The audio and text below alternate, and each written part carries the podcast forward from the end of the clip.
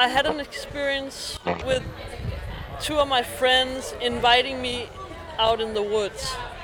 That was like I was really feeling isolated during COVID or during the lockdown. I, I was only seeing like my mom at the time, and they were just they they they was like very vocal about that I was a part of their bubble when we were talking about this that people had to isolate in bubbles.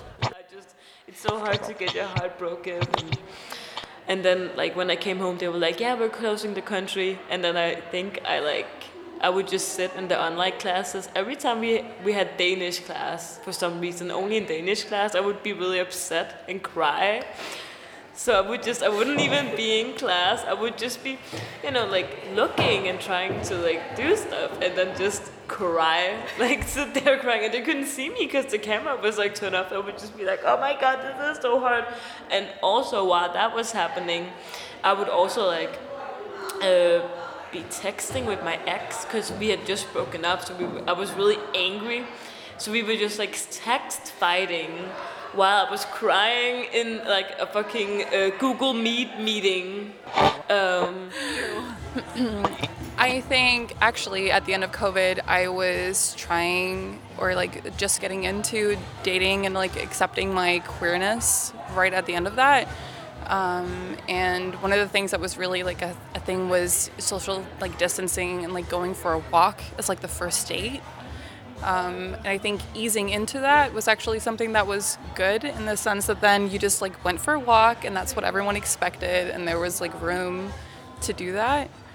Um, so in that sense, I, I actually think it was a good thing um, that it worked out pretty well to not be such a. Um, there wasn't a lot of pressure on it at all. You just heard the voices of queers from the streets of Copenhagen telling us about their experience during Corona. We've partnered up with Cinema Queer, a queer festival in Stockholm who's behind the Queer COVID Archive. This archive serves to document the experiences of LGBTQIA plus people during the pandemic. Today, we're talking with Josefina and Io about ways in which polyamorous people navigated the pandemic in Denmark and how COVID 19 may or may not have had lasting effects on how they participate in relationships. I'm Kate. I'm Andrea. Before we get to the next section, let's hear from our sponsors. This episode is supported by Fritz Cola. Fritz Cola was founded in Hamburg by two students in 2003. It started as a simple idea to make a better cola, but it has grown into something much bigger over the years. You can find Fritz Cola everywhere people enjoy spending time together. This year, you can find Fritz Cola at your favorite film festival, Mix Copenhagen. We have Io and Josefina here, and thank you for being with us today. So maybe we should just start by um, introducing ourselves. My name is Kate. I am 35 years old. I identify as, or I use she, her pronouns, and started being practicing poly stuff in the past like three, four years. Um, was introduced to it through a partner who is a current partner, and I was actually like really resistant to it at the beginning because I was just so in love with him and I wanted him all to myself. Um, and then was kind of like working with him and sort of understanding like how I can work through jealousy, etc. And this was all before the pandemic. And then the pandemic hit, and then we were sort of default in a monogamous relationship because we just decided not to see other people because of restrictions. But um, yeah, um, now I'm in uh, two serious relationships with this guy and also with someone else. It's really great, and I love it. Um, Andrea, do you want to go next? Sure. My name is Andrea. My pronouns are she, her. And I've always been in monog. I mean, hell no. I've been single a lot. Um, so in a monogamous relationship with myself. the best. Um, but I've never engaged in non monogamy um, in any way, shape, or form. That's that's it. I have nothing else to add. I don't have anything, any sp- stories to add to that. So my name is Josephine. Um, I've uh, been invited for this podcast, uh, I guess, because I've been very openly polyamorous for the last five and a half years. Um, I have a, a main partner, uh, a wife that I live with with our two children, and then we have uh, relationships onto that. Um, I fell in love with polyamory the day I met it, um, and it kind of made me realize why I've been not necessarily the best partner in previous relationships. And your pronouns. And my are- pronouns are she, her. Cool. Well, my name is Ayo. My pronouns are they, them. And I am also a part of Mix uh, right now in the program group and the steering committee with uh, these lovely two hosts, Andrea and Kate. And uh, for the past three years, I've been in polyamorous relationships. I did not fall in love with it immediately, but like Kate was introduced a little bit to it by a partner who was very gentle and helpful in my process with like unlearning toxic monogamy. Um, disclaimer I don't think monogamy is toxic in general, it's just a term. And yeah, then right now I'm dating a wonderful person exclusively, but feel uh, very much uh, in touch with polyamory uh, anyway because of the other relationships that I have in my life and the way I approach them. Um, relationships in general beyond romantic and sexual ones. Um, thank you for being here. Uh, we're so excited for this conversation. Uh, I guess to start it off, um, we're just going to be talking from our own experiences, right? Like we're not dictating how you should have acted at all. Or not. We're not. What a surprise! Very, very I was like, I'm leaving. Yeah. Yeah, I'm this done. is not what I was told. That's not what I was invited That's for. fair. That's fair. Take off your headphones and go. if they Um, can't decide anything, then why even be here? Exactly. so I guess we are dictating today. Uh, Gentle people. I would love to hear. I mean, you both dove into it a little bit in your introduction, but how would you actually define polyamory for yourselves? There's a lot of terms that go around, like consensual non monogamy, open relationships, um, polyamory. All of those can sort of be signified in different ways. Oh, that's um, that's a big one to start. I think, like in terms of which terms I use to describe myself, polyamory has like polyamorous has always been the one I've used because I feel like it's more of a like consensual non-monogamy for me at least would describe like the agreements that I have within my relationships, whereas uh, in my life, polyamory or polyamorous describes so much more the outlook I have on relationships, like beyond uh, romantic and sexual relationships, beyond uh, even like the kind of like the rules that we have just like made up and then never discuss in our relationships. Mm. Okay, now I'm like going off on a tangent, but I think like No, you're making a lot of sense. yeah. Yes.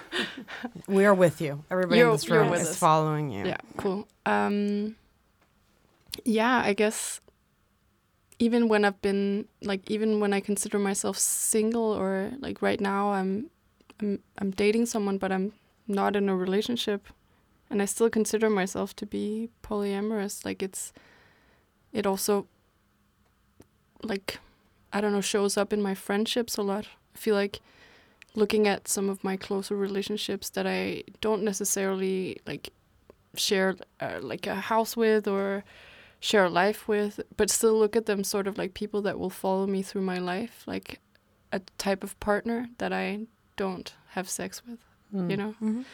or yeah, like the people that I live with currently in my collective, also people that are my family, and in some ways also like have the same status in my life that you would consider maybe for like a romantic partner Mhm. um, that these aren't people that I just, I don't know, put inside a hierarchy of who I'm going to prioritize more.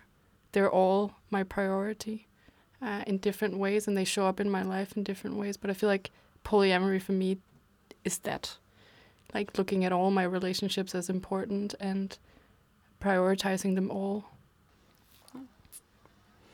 um, uh, to answer the question, and uh, I've um, the question was how do I define polyamorous in my life, right? Um, I've actually never used the word polyamory. Um, when I started out, I think we it might also just kind of flourished in my friend group, and everyone was very keen on finding like the right terminology for them. Like, what word am I using? Am I Mm. polyamorous? Am I poly uh, monogamous? Was I like? There was so many different wordings on this, um, non-monogamous, open relationships, all of these things, and I. I understand when you start out in something new, you want to have that label to identify, to know what group you are within, like to understand the rules. Feel like okay, if you are in an open relationship, I'm in a polyamorous relationship. How does, how do we how do we differ in our rules and in our ways of uh, of living? Um, but I've never there was never one term that kind of fitted my relationships, so I always just ended up using poly um, because it's different for me than it is for my partner. But we are both we are both having other relationships than each other, right? So the like the practices is is there, but we are using it and using them for different reasons, and we are practicing them for different reasons, and have different um, drives and motivation to be in in a polyamorous or poly relationship. Um, but I very much agree with you that it's a um, that it's a thing that I identify with, um, not based on necessarily the relationships I have, but on the experience I have of how important it is to be able to prioritize different relationships in um, in a non-hierarchical way and in a way where I kind of actually acknowledged that I need other people um, Mm. and not only my partner or uh, my family or in for my case my kids. Yeah. Mhm. It's interesting that you both name the word non hierarchical. Um, because now to transition into the COVID times dilemma, Mm. right? um, was there sort of a consideration of enacting some sort of a hierarchy during restrictions because of maybe infection rates and you were sort of worried about Mm. who you were seeing? Is that something that you considered? I think I was um, I I started asking a little bit back when I was invited for this podcast. Am I eligible to go in and say anything about polyamory uh, or poly in this context? Um, because when the uh, pandemic started, I was four months pregnant. Uh, so I very much had a hierarchy uh, decided for me because I. Uh, I had a partner who was like, "I'm not leaving you anywhere outside of this bubble," and everyone didn't like. No one wanted to come visit us um, because we like you didn't know about the virus. You didn't know how it would uh, fit, and um, and I was a high risk um, pregnancy because we have twins. So so it was kind of like the I was uh, isolated ten days before everyone else. Everyone was just like. There's some this virus in the world. Go home, stay safe. and I was like, no, I don't want to be isolated. I'm an extrovert. Uh, please don't leave me here with this person.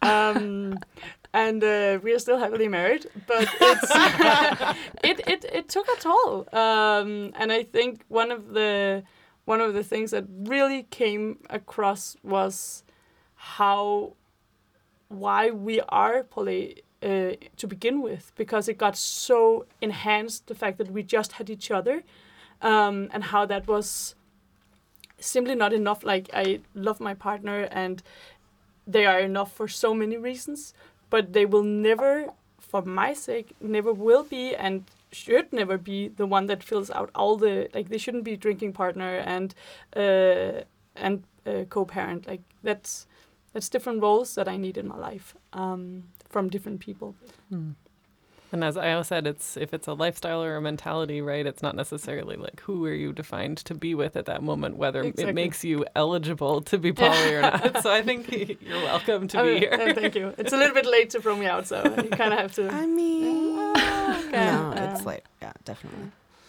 it's gonna be awkward now so I it feels like these two years were just like mushed together into one long lockdown, which is not actually true. So I had to kind of like go through the different periods. But I met my former partner maybe three months before the first lockdown, and um, he lives in Malmö, so that was obviously a challenge from the get go. not that it's not nice in Malmö. But uh, we had to do long distance and online dating for maybe four months uh, in the beginning of our relationship, which was very intense. And back then, I was um, I was living with uh, my former roommate. We were both kind of anxious about everything that was going on, um, and maybe building a little bit off of each other as well. So like we were very isolated in this apartment, and I was only dating uh, my former partner because, I mean, you couldn't really go out. I didn't want to, either. And then summer came, and I started dating again because we were allowed, and um, and then I started dating multiple people at that time. And one of the hierarchies that I actually had to come up with was uh, in relation with the person that I was living with because we had to negotiate who do we let into this house, and because my my lover at the time was living in Sweden and the restrictions were quite different, uh, he was actually one of the people that weren't allowed into our house, uh, even though I I was dating him for longer. And then the negotiations started with these new relationships where in the beginning it was very much like, okay, first date, I can't touch you at all until I know that I actually want you in my life. And also, you can't go to my house. So it was very much like dating with the distance until I then decided, okay, this person is someone I want to continue dating and invited them into my house and into like closer to my body um, not metaphorically very much uh, yeah and i remember that Quickly turning into erotica. I love it. yes i'm gonna lower my voice now um, no i remember it posing some challenges when a new person came into my life that was actually allowed to uh, stay over and when I say allowed to, I mean I decided that they were allowed to stay over, and and my my other lover, who I had been dating for much longer, wasn't, and uh, so that was kind of like a, f- a challenging and fun negotiation period where we really had to talk a lot about like what what makes sense here. And it and it also became a little bit challenging after a while right? Where uh, the lover that I had in Malmö was was expressing some um, desire to maybe see each other soon Yeah. instead of like doing the dating online again. Mhm. Yeah. You mentioned in your introduction that you were introduced to polyamory by this partner, Mhm. correct? Yes. Uh, and now you're saying that at the be, not well, you had been dating some months before the pandemic, but still, let's say at the beginning, you had to shift into sort of online dating. How was that introduction? Not that you can compare it to anything, but how was um, being introduced to polyamory online?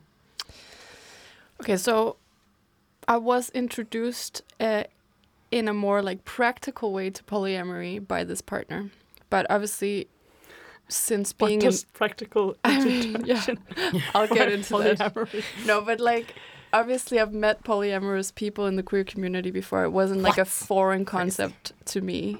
I've also dated people in the past, even though we've been monogamous, that that were um, or had been in polyamorous relationships. So it wasn't like a foreign concept. It was much more uh, me not like I was curious about it, but I had never been practicing it myself because I had this idea that I was much too anxious to uh, I'm gonna do quotation marks, but you can't hear, hear those. But like, let someone have other relationships, right? Um, which obviously is true sometimes. My anxiety comes up like everyone else, but uh, it was very interesting to have those conversations online. Obviously, I knew that this person that I was dating is polyamorous. Um, and I was curious about it, but it didn't show up until later in our relationship. First, because of uh, me being a little bit like anxious about it, and then also because of COVID. At least for me, that was a nice, slow move into polyamory, and I needed to really reflect on some of the things that I had been like that we've all been taught about relationships and uh, when and how people are supposed to love you and um, what that feels like and yeah it was nice. I am definitely a person who needs that reflection time before i switch into something that i've never done before.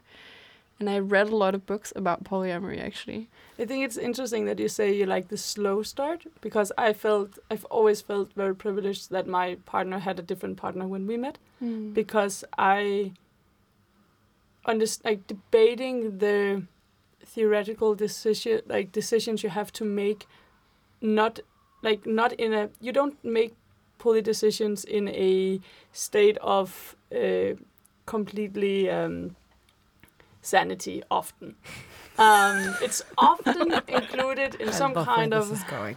no, it's like, but polio often happens, at least in our context. Uh, it often happened at two o'clock in the morning uh, on a dance floor uh, with with other people, and you kind of have to take a decision on that, like on that uh, in in that mind space of, oh, I really want to do this. Uh, what is like? How do we? How do we clear this up so it's not a big debate tomorrow? So it's not a so no one is uh, stepping over any lines? Like all of these decisions kind of had to be done. You had to be very like you had to have very clear rules or like um not rules but like playing field. Like what is actually okay and what is not and you have to make it so simple at least for me that i was able to do it uh, two o'clock in the morning with uh, after a couple of tequila sunrises uh, at vela right so so how do you Very take specific. very specific situations. fields, uh, yeah, yeah. And uh, I would have hated four months of uh, of introduction online and, and book reading, and even though I'm a nerd, but it's it was Yeah. yeah. Uh, yeah. I, I always say I I always say to people I read the book, but I I didn't. Oh no! do you So- at least Google the spark notes? If Like, do you like read like go- like read the summary of I've- the book I've- that I've you're read- lying I about read reading? the the backside of the of the book. Wow, Okay, so you're really just lying blind. Like, like there's no, I'm- I'm- prep work. Yeah, I'm horrible. And every time people come uh, to our house, like, "Oh, you're doing such a good job with poly. It works so uh, fine with you." Like, what do you do? It's like, read this book. It's gonna, it's gonna answer all the questions. wow And you're I just, I, laying your secrets out right yeah, now no, I will, uh, I will uh, rethink if that is. I don't know. It was. It always came very natural to me. To, uh, But I think that's where we're a bit different because it didn't for me. mm. Like I um I feel I identify very strongly with this outlook on relationships and I was very curious, but it wasn't a natural feel for me. Um not at all. Um I I've found that polyamory actually has has helped a lot with my sense of security in relationships, which is sometimes maybe counterintuitive, but this idea that when I'm in a relationship, no one else uh, can come between me and that person. Like nothing else except for what is going on between me and that other person is going to end our relationship. Yeah, I wanted to just add. Uh, I agree. I feel the same way that it's like, um, in my relationships, it's about the negotiation that you do with that person, right, and the, what works for you. But I'm, I thought a lot about it during COVID, whether that was still the case, right? If something could come in, in between us, Yeah. because these, it was like the whole s- sort of like, you know, Mette Frederiksen was making these decisions. Oh, you can have ten people that you in your mm-hmm. bubble and that's it. Okay, well, I lived in a collective at the time. So all of a sudden, when they said that, I was like, I live with five other people. If we each see one partner, all of a sudden that's 12 people. We're done. We're done. Mm. Right. So actually, when we made that decision in our collective that like we would abide by that bubble, we said one person, one partner per person. I was the only one who was poly at the time, but again, I said sort of default monogamy because of the restrictions, um, partly. But it was sort of like, okay, well, the collective that I live in is five straight cis people, who have monogamous relationships. So if I were in a, a situation where I was actually dating multiple people and I had a, you know, non-hierarchical setup with those people, ha- like something could go and come in between me and that person.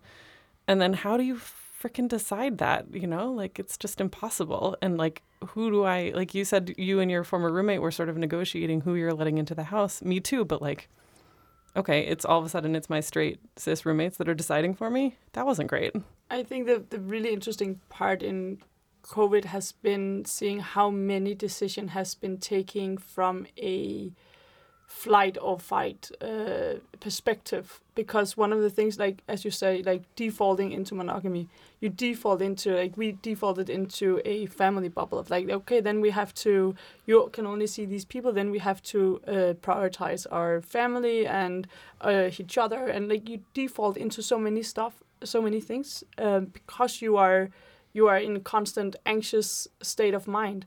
And i think one of the one of the things i love about poly is that it's it does take it does take emotional work even though it's like of course it's more nice when it's easy but it's it often takes emotional work of de de um, deframing the toxic uh, tools you have taught taught yourself and taught each other.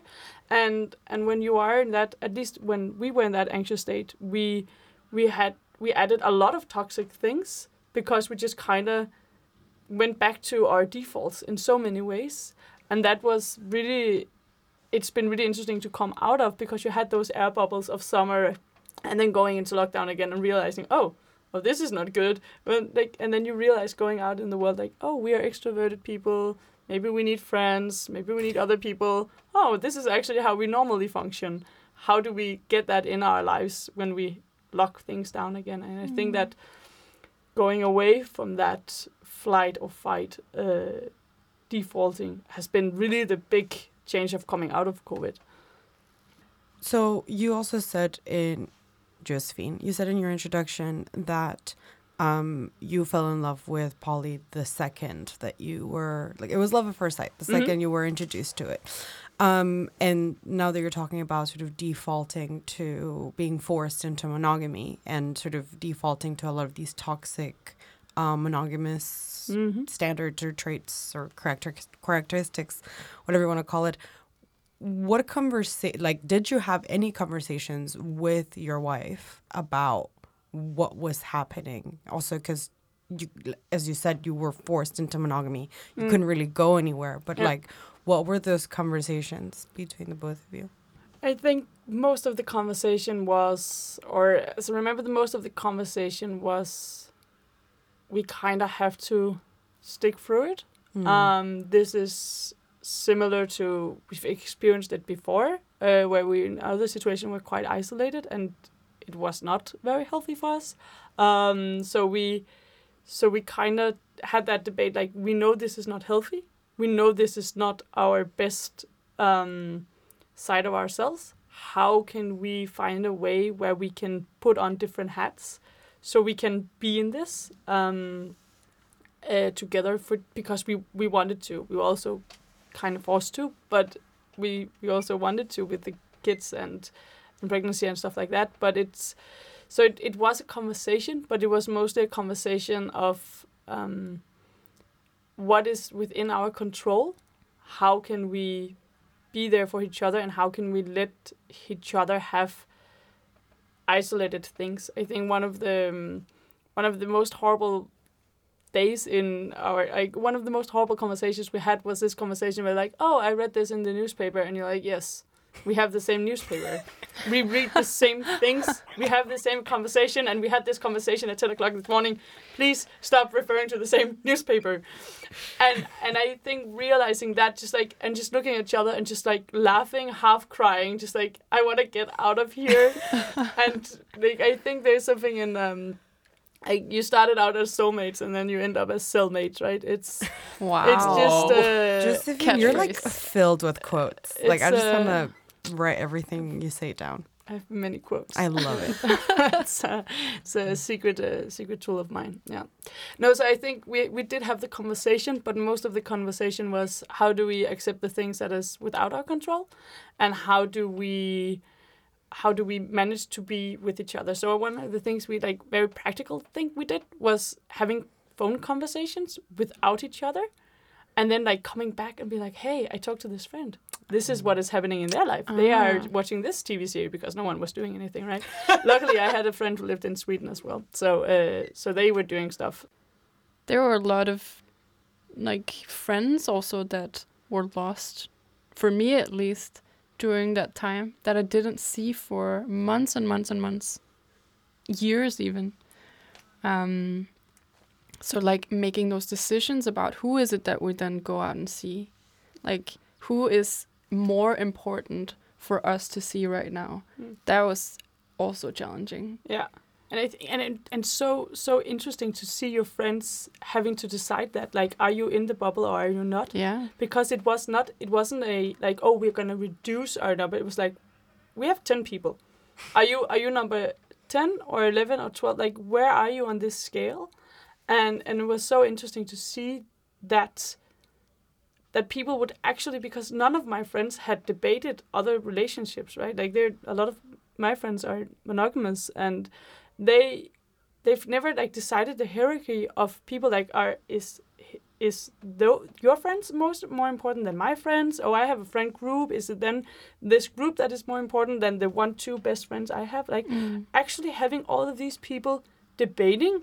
relationships i feel like poly being poly before the pandemic was actually helpful because you were able to you already had the wording you already had the tools to decide what does it mean to prioritize people and how do i say to someone very nice and very kindly and with love i'm unable to prioritize you in my bubble at the moment and that i think was i think poly for for that specific purpose of deciding between 10 people it was Mm. was uh, help Oh, for sure. I was thinking about that as well, actually. How poly has helped me so much in like the negotiation of starting to date again after COVID.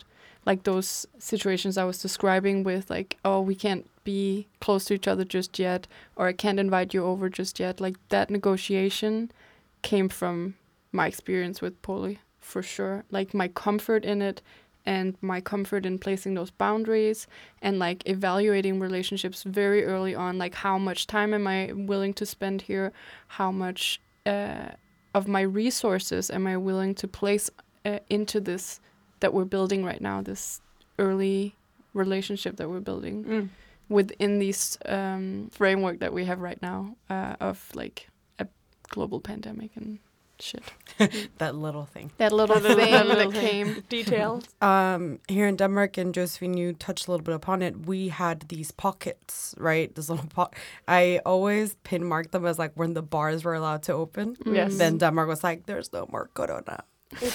um, it, but they were tiny pockets, and then not only did you have to go back into you know previous rules or some sort of rules, but it was always winter times as well, um, where all of a sudden, broop, corona ran rampant. How was that like in your relationships? That sort of like in and out, like hot and cold. challenging. I mean, I've said this word 500 times now, but I remember like this um, the lover that I was describing from from Malmö. When we started to see each other after four months, it was weird. It was like I had been keeping in like very close contact with this person. We were like organizing cute dates online, but then as soon as we were in the same room together, I was like, who is this stranger that I haven't touched for four months? You know, it was a. It took a while for me, at least I can't speak for him, but for me, it took a while to get back into that rhythm of like, I'm actually pretty close to this person. Like, I'm dating that person and I haven't touched him for. And I hadn't touched anyone. Like, that's also a thing. Like, I hadn't touched anyone. So, like, getting into the rhythm of like being close to people physically um, not being scared about like yeah if you're like me who struggles with anxiety, also not being scared about letting people close to me or going out into public or going on dates again or to parties. There weren't that many parties, to be honest. But the few that there were, like, yeah, like meeting new people, actually talking to strangers, all of those things became like quite challenging in those periods. I wasn't one of those people who who just forgot about Corona uh, during those small pockets of uh, of freedom. Um, it was very much a constant worry in my mind. I can only second that. Uh, but I, I had a different. Um, I was definitely one of the people that forgot about Corona, and because I've been so drained with being isolated, I very much went out and met everyone I could um, and made as many uh, relationships as possible. And I think one of the difficult parts there was that I, you have been forced into this monogamy for so long. So you had, I had a partner who didn't, uh, who was very anxious about uh, Corona still, and and having that debate on how do you prioritize uh, poly and new relationships and and even like even having that that unclear rules are so much more difficult than having the rule of 10 people because then it was a debate where if it was only 10 people it was not really that debatable like the 10 people kind of filled up but the you can ha- have as many as you want how do you define that in a pandemic well it was more difficult Mm. now Yes. yes. Very well said. Um, yeah, so I think uh, we have to wrap up. Mm. So, any parting words about your COVID poly experience that you just need to have on the podcast? Just appreciation for polyamory, honestly. Like taking that out of COVID for sure. But I also just want to clarify like I don't have any like negative emotions towards monogamy either. Like even when I sit here talking about toxic monogamous traits, I'm talking much more like I what I mean is these ideas that we all have to fit in under these norms about relationships and hierarchies of relationships even if we don't actually fit into that. Mm, and I think that's a very important distinction for me to make because I've been in very loving and committed and healthy monogamous relationships where I also thrived a lot. But this outlook on relationships that I have from my introduction to polyamory is very valuable in my opinion. Yeah. I think the one one thing that is that you can always mention when you talk about polyamory and poly in general is that it is not meant to be for everyone and it is not necessarily for everyone. Your all your relationships are yours. And I truly believe that what you should, if you are listening to this podcast and thinking, oh, maybe I should try it, or maybe I uh, missed the train already, um, I think that the general the general takeaway should be that you are um, you are in charge of your relationships, no matter how they look like, and no matter how you want them to look like, and you have to take on that responsibility that you've learned throughout COVID of setting boundaries to everyone. Take that responsibility with you, and then do that in your relationship still. Uh, so you get designed a community and a life that you want to live and be part of, and not just the default. Well said. Thank you both for being on the podcast, Josephine and Io. It's been a pleasure. It's been a Thank you pleasure. for having us. This episode was presented by Andrea Coloma and Kate Crochelle. It was edited and engineered by Winter Robinson. Research for this season by Michaela Rasmini. Our Voices from the Street segments were produced by Julia Neruzzi. Thank you to Cinema Queer in Stockholm for partnering with us for the Queer COVID Archive project. If you want to see and hear all the stories gathered for this project outside of this podcast, go to queercovidarchive.com. Thank you to the Guldsmeden and Clarion hotels for providing accommodations for our festival guests this year at Mix Copenhagen. Don't forget to like and follow Coming Out of the Celluloid Closet on Spotify, Apple Podcasts, or wherever you listen to podcasts to get the newest episodes right in your feed. See you soon for more stories of the years that have defined the queer experience.